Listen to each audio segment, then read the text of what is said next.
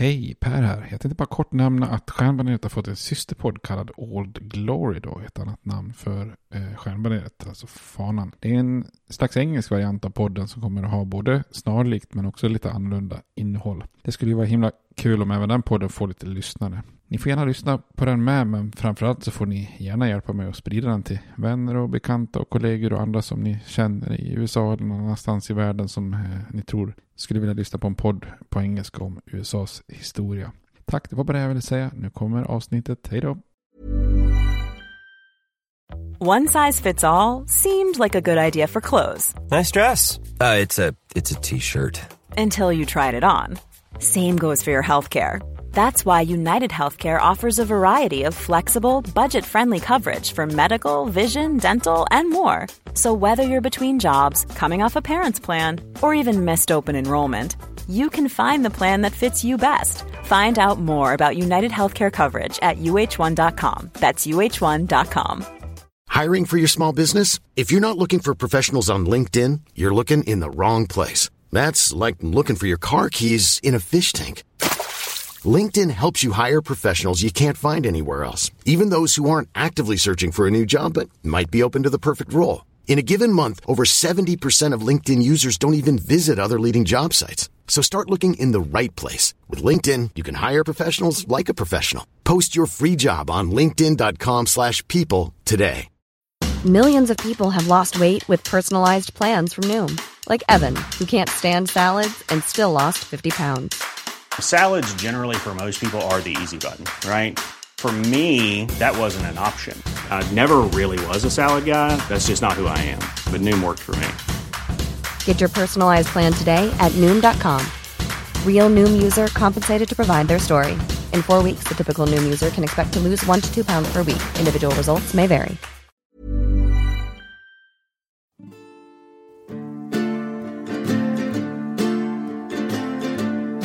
We hold these truths to be self-evident, that all men are created equal, that they are endowed by their Creator with certain unalienable rights, that among these are life, liberty, and the pursuit of happiness. Now we are engaged in a great civil war, testing that government of the people, by the people, for the people, shall not perish from the earth. And so, my fellow Americans, ask not what your country can do for you, ask what you can do for your country. I have a dream that my four little children will one day live in a nation where they will not be judged by the color of their skin, but by the content of their character. Mr. Gorbachev, tear down this wall. I did not have sexual relations with that woman, Miss Lewinsky.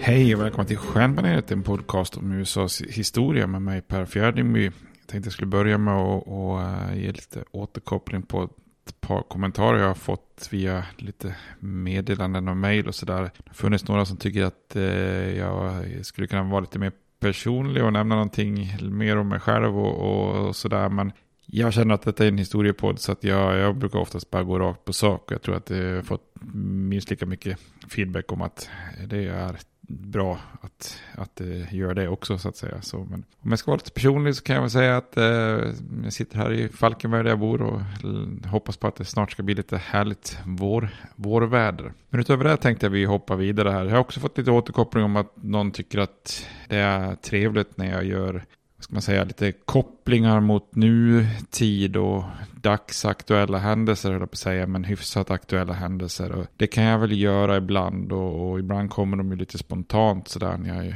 det blir lite utsvävningar i avsnittet. Men eh, jag känner väl också att ibland får jag sådana här ryck och spelar in några avsnitt i, i, i tät följd och sen så kommer de ju inte ut och så kanske det blir ytterligare en paus beroende på eftersom eh, jag ju ibland inte hittar tid att och, och spela in och fixa lite storpmanus och sådär. Så att det är ju också risk ifall jag börjar lägga in en massa sådana dagsaktuella grejer att man eh, att det blir väldigt fel tajmat i slutändan. Så att men jag ska, ska försöka tänka på det också. Annars kan man ju, kan ju rekommendera eh, Jakob Stenbergs kongressen-podd. Eh, där, där får man ju hänga med lite mer i det som händer aktuellt så att säga. Så att eh, det finns ju andra poddar för, för det dagsaktuella. Jag tänker mig att Stjärnbaneret är en podd man kan lyssna på eh, om tre år eller fem år. Och, och det är fortfarande lika, lika oaktuellt innehållet, innehållsmässigt om man säger det så. Men vi rullar vidare här med översiktsserien tänkte jag. Eh, så att vi kommer vidare på 60-talet här och eh, förra avsnittet så pratade vi ju lite grann om Lyndon B. Johnson som ju tog över efter John F. Kennedy när, när han blev mördad. Eh, och eh, som vi pratade om så var ju Johnson en slipad politiker som fick mycket saker gjorda. Han förde ju eh, Kennedys arv vidare genom att få igenom en hel del politik som Kennedy misslyckas med. Men sen så kanske han också är mest känd för att han lanserade en sån reformperiod via sitt krig mot fattigdomen och hans vision då om ett så kallat Great Society. Eh, och som ju på många sätt var det största eh, liberala reformprogrammet eller perioden sedan den nya given då. Och idag ska vi se lite grann hur han gör mm, hur han hanterar medborgarrörelsen och då kan man väl säga att han eh, gör nästan mer för afroamerikaner än någon annan president har gjort sedan, sedan Abraham Lincolns dagar. Eh, men vi ska också titta på Vietnamkriget som ju långsamt nöter ner och äter upp både, både Johnson och eh, USA kan man säga på många plan.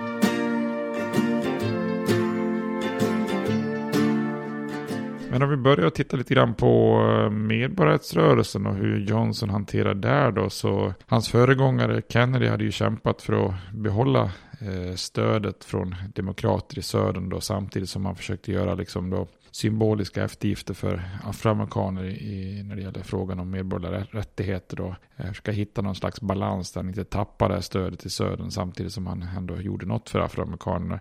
Det exploderade ju i början på 60-talet där med medborgarrättsrörelsen. Med, man började med protester som sådana här sit-ins och freedom rides och inte minst, minst de här protesterna i Birmingham så fick ju Kennedy till slut att lite grann ändra sig för, med tanke på att demokraterna i södern ändå stoppade väldigt många politiska förslag då. Så i slutet av sitt presidentskap då, eh, eller ja, i slutet av hans liv då kan man säga, så hade han ju till slut i, i ett känt tal ställt sig bakom medborgerliga rättigheter då.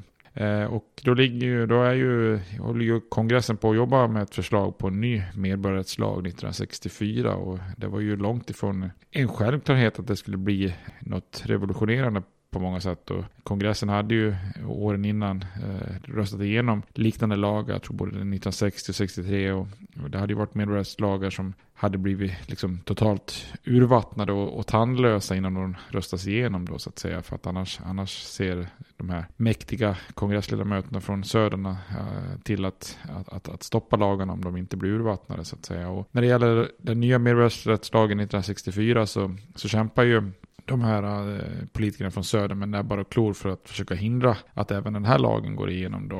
Eh, och medborgarrättsrörelsen fortsätter ju sätta tryck på opinionen i Washington genom bland annat den här berömda marschen i, i, i Washington DC sommaren 1963 då som ju är mest känd kanske för Martin Luther Kings I have a dream-tal. Och, och, när Johnston, eller Johnson tar över som eh, president så, eh, så, så är, står ju frågan och, och väger lite grann sådär. Eh, och det är väl här som eh, mer än Eh, kanske i något annat fall som Lyndon B. Johnsons slipade kompetens för att driva igenom saker i kongressen kommer, kommer fram då. Eh, han är lite slug och, och, driver igenom den här lagen. Då. Först höll, håller han sig lite grann i bakgrunden och, och lät liksom liberala ledamöter i representanthuset stärka lagförslaget för att det inte skulle bli urvattnat liksom i, innehållsmässigt. Då. Eh, och i representanthuset försökte den här lagens motståndare att dela den här liberala gruppen genom att eh, också eh, addera en paragraf som handlade om eh, inte bara diskriminering av afroamerikaner utan, eller på grund av ras då, utan i, i arbetslivet utan också addera kvinnor då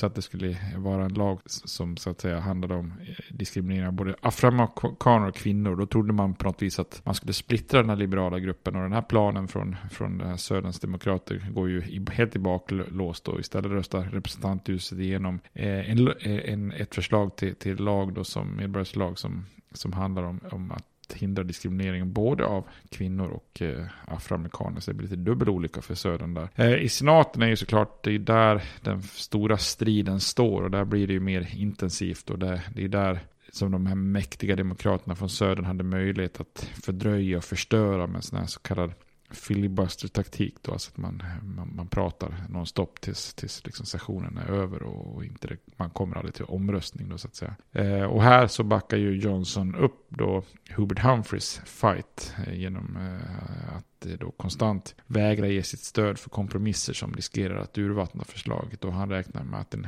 ökad press på, på republikanerna i nordstaterna helt enkelt skulle få dem att överge den här skenheliga alliansen med, med konservativa demokrater från, från södern. Då.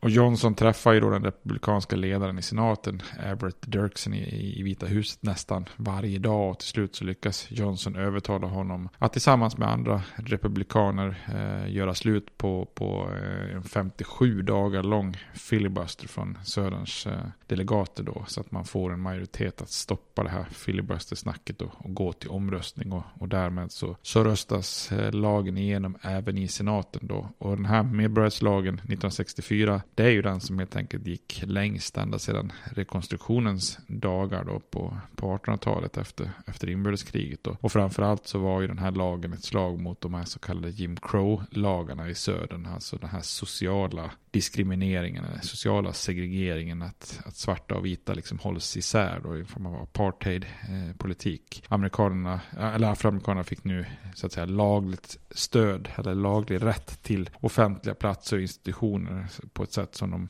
aldrig hade haft i den segregerade södern helt enkelt. Då.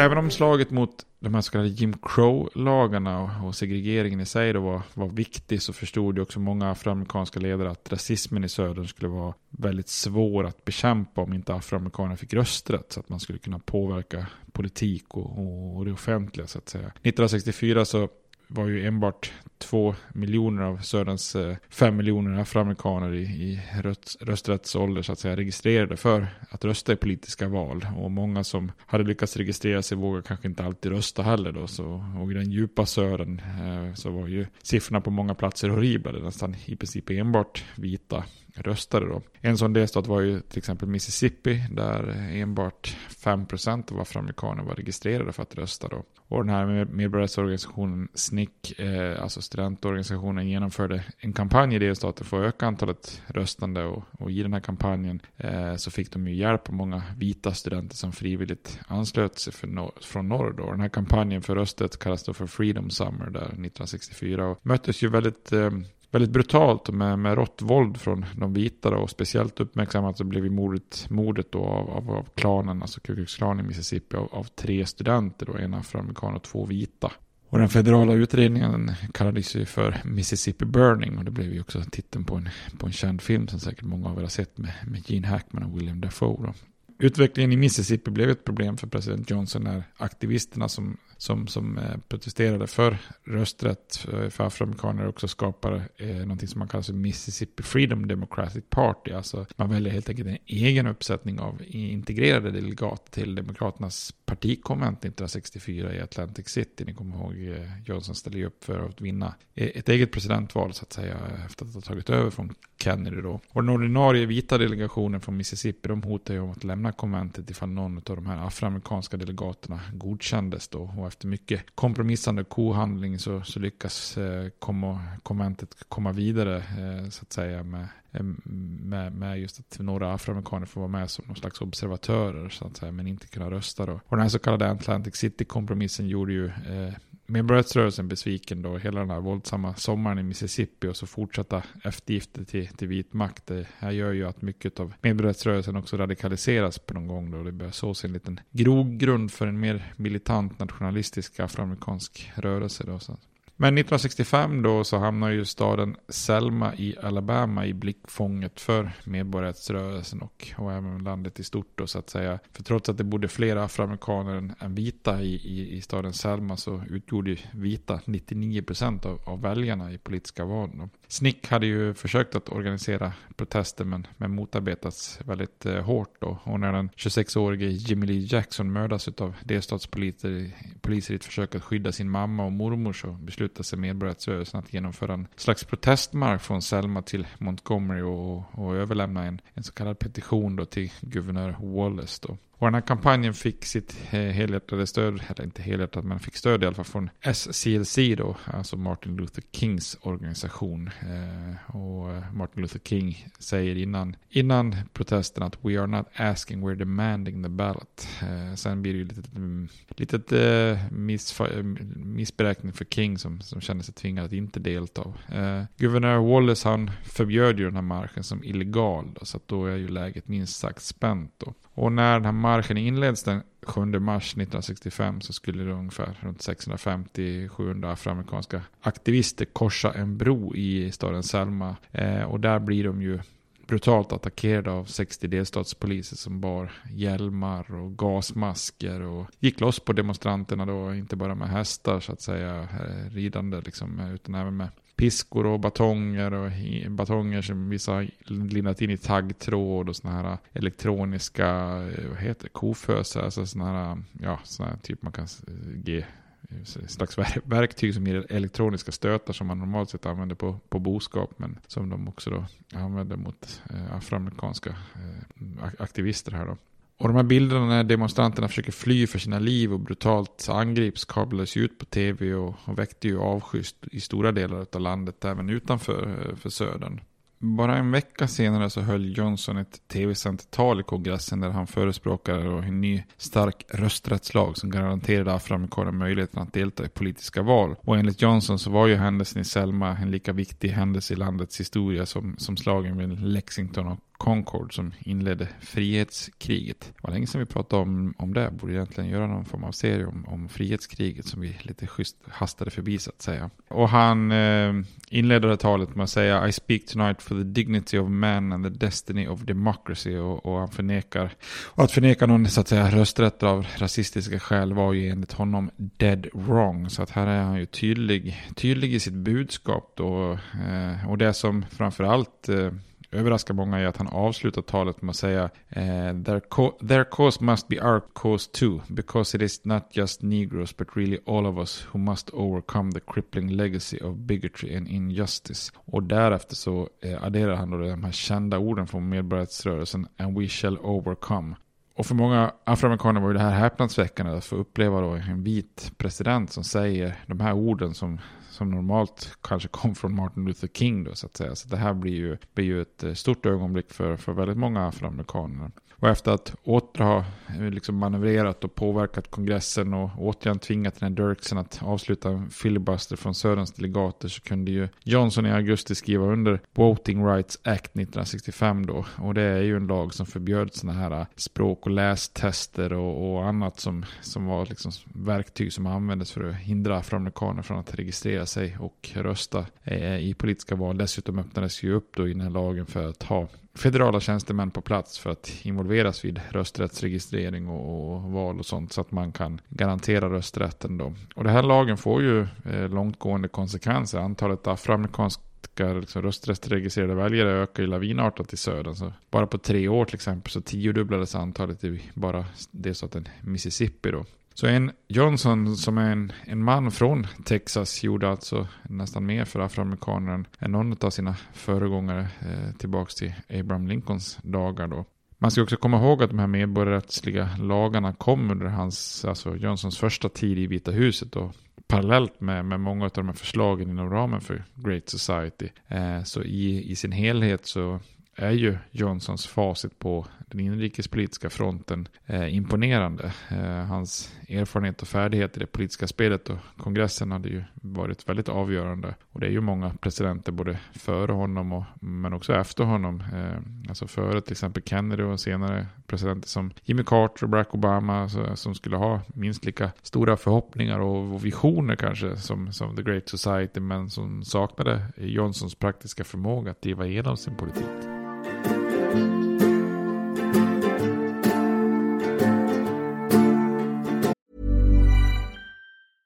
Cool fact a crocodile can't stick out its tongue. Also, you can get health insurance for a month or just under a year in some states. United Healthcare short term insurance plans, underwritten by Golden Rule Insurance Company, offer flexible, budget friendly coverage for you. Learn more at uh1.com. Hey, it's Ryan Reynolds, and I'm here with Keith, co star of my upcoming film, If, only in theaters, May 17th. Do you want to tell people the big news? All right, I'll do. Sign up now and you'll get unlimited for $15 a month in six months of Paramount Plus Essential Plan on us. Mintmobile.com slash switch. Upfront payment of $45 equivalent to $15 per month. Unlimited over 40 gigabytes per month. Face lower speeds. Videos at 480p. Active Mint customers by 531.24 get six months of Paramount Plus Essential Plan. Auto renews after six months. Offer ends May 31st, 2024. Separate Paramount Plus registration required. Terms and conditions apply if rated PG.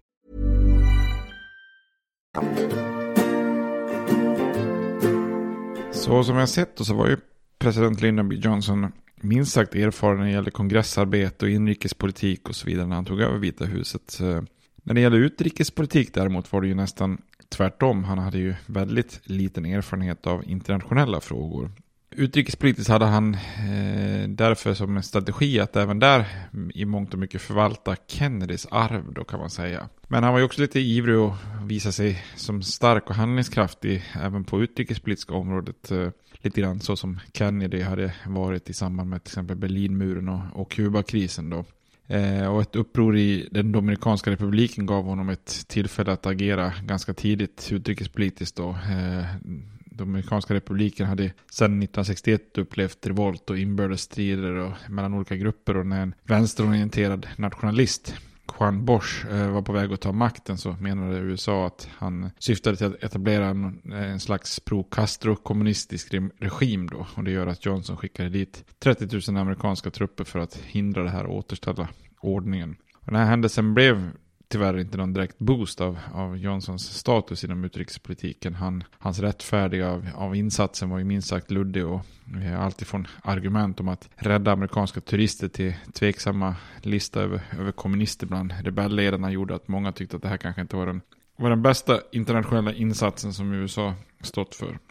Eh, Johnsons utrikespolitik skulle ju dock präglas framförallt av den pågående konflikten i i Vietnam då. Och på tal om att föra Kennedys arv vidare så, så där ärvde ju Johnson ett redan stort åtagande från USA om att stödja den här antikommunistiska eh, regimen i, i, i Sydvietnam då i konflikten. Och, eh, till en början så kände sig Johnson tvingad att fortsätta lite grann på den linjen som Kennedy slagit in. Eh, och han fortsatte att skicka sina militära rådgivare och ge ekonomiskt stöd och så vidare. Och, och Johnson menar att det var upp till sydvietnameserna själva att vinna kriget. Men det sydvietnamesiska styret var ju väldigt kaotiskt och många militära rådgivare förespråkade ju en form av eskalering från USAs sida. Och för att delvis blicka dem så gav han tillåtelse till eh, hemliga amfibieoperationer i Tonkinbukten. Och det ledde ju fram till den kända händelsen när fartyget Maddox ska ha attackerats av nordvietnamesiska torpedbåtar under, sitt, under sitt underrättelsearbete den 2 augusti 1964 då.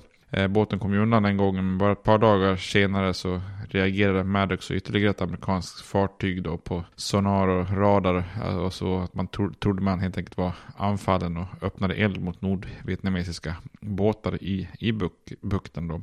Dagen efter så proklamerade ju Johnson att amerikanska patrullbåtar hade blivit attackerade av, av Nordvietnam på internationellt vatten i den här Tonkinbukten då. Senare information väckte ju ganska stora tvivel på tillförligheten i de amerikanska rapporterna om de här så kallade attackerna. Johnson själv uttryckte tvivel. For all I know our Navy might have been shooting at whales out there, säger han i ett senare läge där.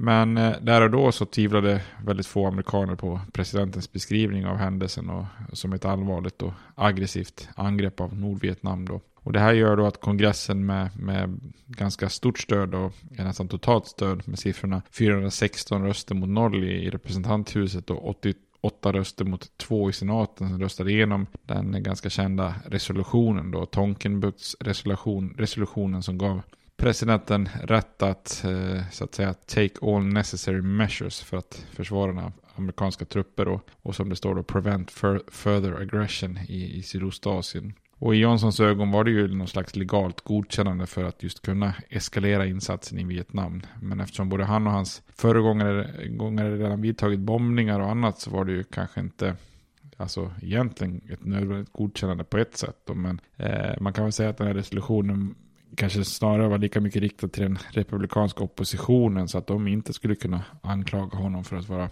soft och därmed liksom ta en kampanjfråga från, eh, från Barry Goldwater och, och, och, även då att visa Nordvietnam då som skulle övertygas om att USA var beslutsamma då så att säga.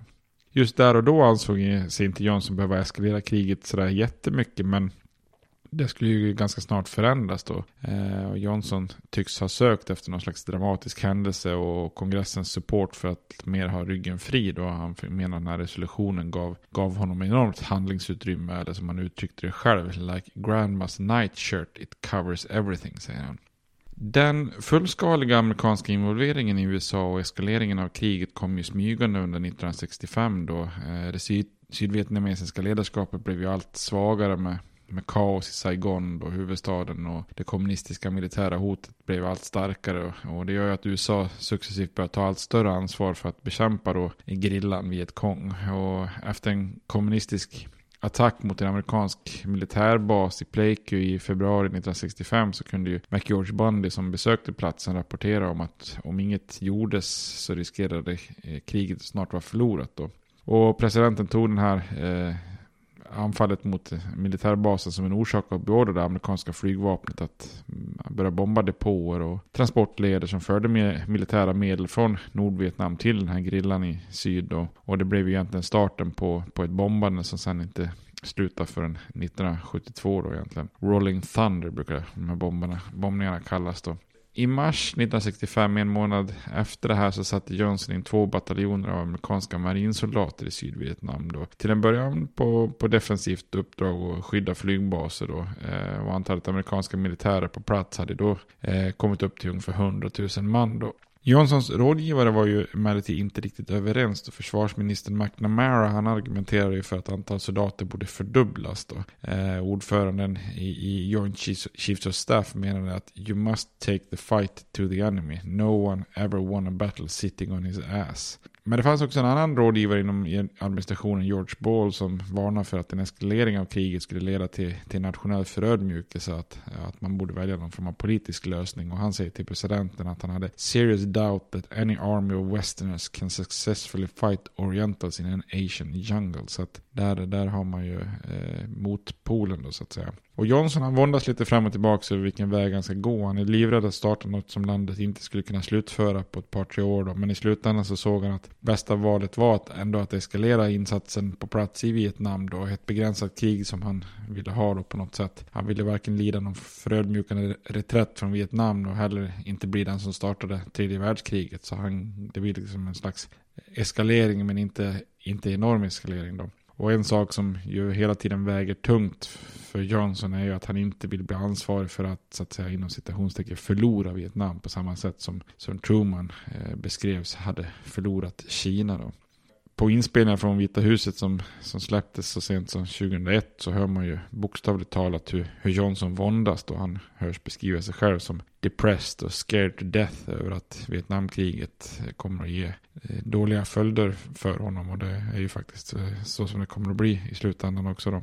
Eh, sommaren 1965 så gick presidenten öppet ut och meddelade att amerikanska soldater skulle ta ett större ansvar i konflikten och han använde den här Tonkinbuktsresolutionen och, och frågade egentligen aldrig folket eller kongressen då. Han är lite, samtidigt lite rädd hela tiden för att ta fokus från den här visionen om Great Society och alla inhemska reformer och, och det gör att han vägrade erkänna eller offentliggöra i vilken omfattning han eskalerade kriget då. Men han eskalerade rätt så, rätt så ordentligt här då. I slutet av 1965 så hade USA 180 000 soldater på plats. Och därefter så, så går det successivt uppåt ganska snabbt. Och 1966, året på, så hade ju antalet soldater fördubblats igen då. I slutet av 1967 hade, hade USA 500 000 man på plats då.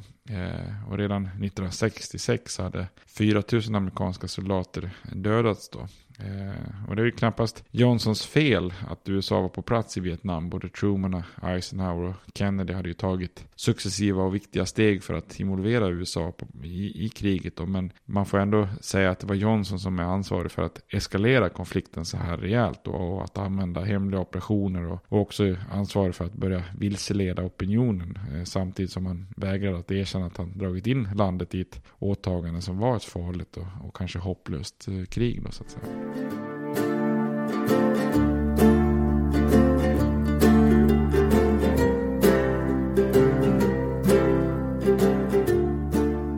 Under de kommande åren så var ju USA indraget i, i ett intensivt krig i Vietnam som bara som bäst eh, lyckades egentligen hindra en kollaps och, och kommunistseger. Då. USA hoppas ju att man skulle kunna åsamka fienden mer skada än de kunde uthärda i Vietnamkriget. Men gerillan Vietkong tillsammans med Nordvietnam visade sig kunna uthärda enorma lidanden och i slutändan åsamka snarare de som fiender mer skada än vad USA kunde uthärda. Då.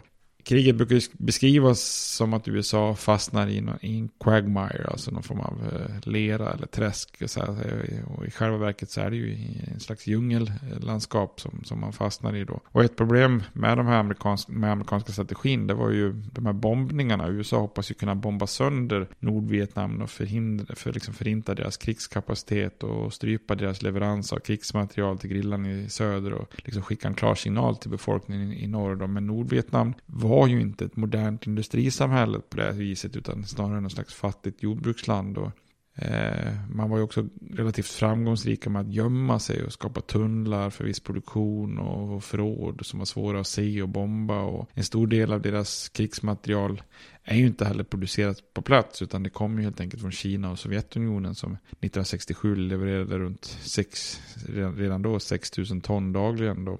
Eh, och den här Ho Chi Minh-leden när man för material söderut till grillan den flyttades ju effektivt för att döljas från USA. Då. Så fiendens krigsförmåga slogs därmed aldrig ut av bombningarna. Eh, istället så bidrog ju snarare amerikanska bomber snarare att skapa civila offer då. Eh, man brukar uppskatta kanske runt 100 000 och i förlängningen att då också skapa en beslutsamhet bland den nordvietnamesiska befolkningen. Eh, så att eh, bombningarna blir ju liksom kontraproduktiva på många sätt. Då. Och lika dåligt som bombningen av, av Nordvietnam funkade, lika dåligt gick själva krigsinsatsen på marken i Sydvietnam också då. Eh, Vietkong-grillan förde ju ett klassiskt grillakrig och var ju väldigt rörliga i sina positioner och ägnade sig åt att gilla fällor och ligga i bakhåll och så vidare. Och ytterligare ett problem med den amerikanska strategin var ju det så kallade pacificeringsprogrammet. Alltså tanken var ju att pressa bort grillan i syd och, och sen pacificera regionen och vinna befolkningens stöd. Men att vinna lokalbefolkningens hjärta och hjärna var ju liksom lättare sagt än, än gjort. Då. Istället byttes det i praktiken ut mot en strategi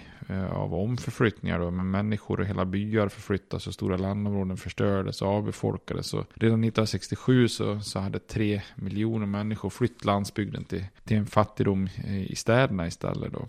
Och general William Westmoreland som, som eh, ledde krigsinsatsen, hans taktik som, eh, som brukar kallas för search and destroy, passar ju den här situationen väldigt illa då. Eh, genom att använda amerikansk överlägsenhet i eldstyrka så led ju också civilbefolkningen stora förluster och taktiken ledde till övergrepp och katastrofer. Och det kommer att komma till sen senare då massakrer. Och istället för att vinna lokalbefolkningens stöd så drevs ju många istället rätt i famnen på, på grillan Vietkong som växer sig allt starkare då. Och paradoxen i, i hela den amerikanska krigsföringen uttrycktes ju väldigt väl av en militär som fällde, fällde de befängda orden It became necessary to destroy the village in order to save it. Och det, det, det, då förstår man hur hur paradoxal taktiken är då. Eh, och den här förhoppningen som Västmanland hade var ju att fiendens förluster varje månad skulle eh, till slut överstiga deras förmåga att rekrytera nya soldater. Och, men den här den liksom befängda förhoppningen uppnåddes ju aldrig då.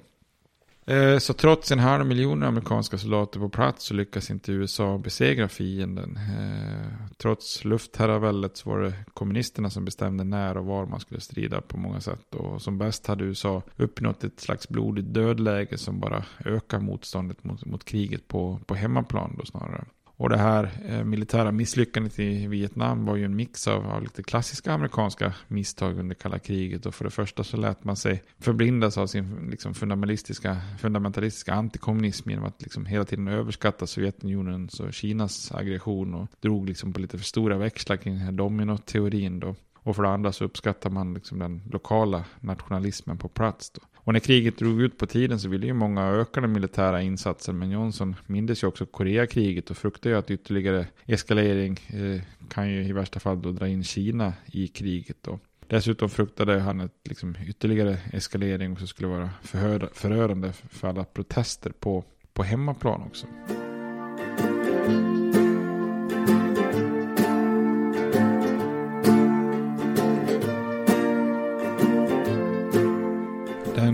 Nordvietnamesiska generalen Giap han förutspådde att i takt med att amerikanska soldater dog så skulle deras så att säga mödrar vilja veta varför. Eh, han får ju ganska mycket rätt i det här. Alltså fram till 1965 så var det väldigt få amerikaner som öppet visat någon, visade någon motstånd till, till Vietnamkriget, speciellt i politiska kretsar. Då. Men i takt med att kriget fortgick utan att verka kunna avgöras och i takt med att amerikanska soldater offrades så, så steg protesterna då. Redan 1967 så var protesterna stora bland, bland studenter eh, och deras motstånd mot, mot draften då, alltså värnplikten och kriget börjar bli en allt starkare rörelse då. Och det genomförs väldigt mycket sådana fredsmarscher som protest mot kriget i, i städer som både Washington DC och New York och så vidare. Det fanns också ett antal journalister som började bli kritiska, särskilt de som hade besökt Vietnam och upplevt hur situationen var på plats då. Deras reportage började avslöja brutaliteten och hur illa kriget gick egentligen då. Eh, en viktig person i kritiken mot krigen var senatorn William Fulbright också från Arkansas som var ordförande i senatens kommitté för internationella relationer. Från januari 1965 började han vädra sitt missnöje mot kriget och började hålla kritiska och tv-sända kongressförhör för att kritisera kriget och, och han får då uppbackning av andra senatorer i kommittén, bland annat Robert Kennedy som nu var senator från New York då. Så Johnson får ju allt hårdare kritik för kriget och han fick ju också allt svårare att kunna finansiera både, både liksom sin satsning på Great Society och insatsen i Vietnam då. För båda de här insatserna förbrukar ju väldigt mycket av den federala budgeten då. Eh, och en oroande faktor var ju en stigande inflation som eh, legat på ungefär 2% i början av 60-talet men som 1967 började stiga och 1969 så var den uppe i 6%. Eh, Johnson tvingades ju då be kongressen om skatteökning för att undvika ytterligare högre inflammation. Men kongressen krävde då samtidigt att de här Great Society-programmen minskade med 6 miljarder. Eh, så här sitter ju Johnson lite grann i en situation där han inte både kan ha kakan och äta den då. Eh, ett tämligen meningslöst krig i Sydostasien urholkar liksom visionen om ett bättre USA enligt den här Great Society-tanken. Så man kan säga att det Johnson har gjort här är att dra på sig liksom ett tvåfrontskrig och istället för att vinna något av krigen eh, så förlorar han egentligen både kriget, eh, det riktiga kriget i Vietnam och även det, det, det han kallar för kriget mot fattigdomen då. Eh, därför att pengarna räcker helt enkelt inte till till både Great Society och en, en seger i Vietnam. När Doris Kernson skrev en biografi om Johnson och intervjuade honom så så sa han lite talande att that bitch of a war, eh, att det helt enkelt skulle förstöra the woman I really loved, the great society. Så att eh, det, det här är väl en stor sorg för, för Johnson att han inte riktigt kan eh, gå i mål med, med the great society tack vare Vietnamkriget på många sätt. Eh, och Johnsons problem har ju kan man säga bara, bara börjat. Vi kommer att se om några avsnitt att det, det bara blir, blir värre då. Men eh, nästa avsnitt ska vi kolla lite mer på, på mot protesterna mot kriget och, och, även andra typer av protester och motrörelser. Men tills dess så, så får ni ha det bra. Hej då! States like these and their terrorist allies constitute an axis of evil. And if the hippies and the yippies and the disruptors of the systems that Washington and Lincoln as presidents brought forth in this country will shut up and work within our free system of government, I will lower my voice.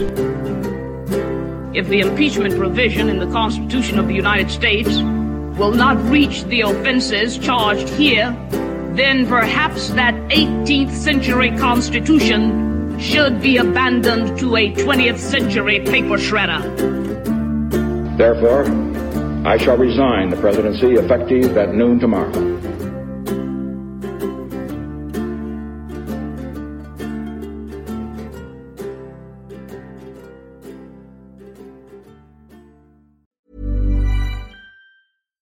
Even when we're on a budget, we still deserve nice things. Quince is a place to scoop up stunning high-end goods for 50 to 80% less than similar brands. They have buttery soft cashmere sweaters starting at $50, luxurious Italian leather bags, and so much more. Plus, Quince only works with factories that use safe, ethical, and responsible manufacturing. Get the high-end goods you'll love without the high price tag with Quince.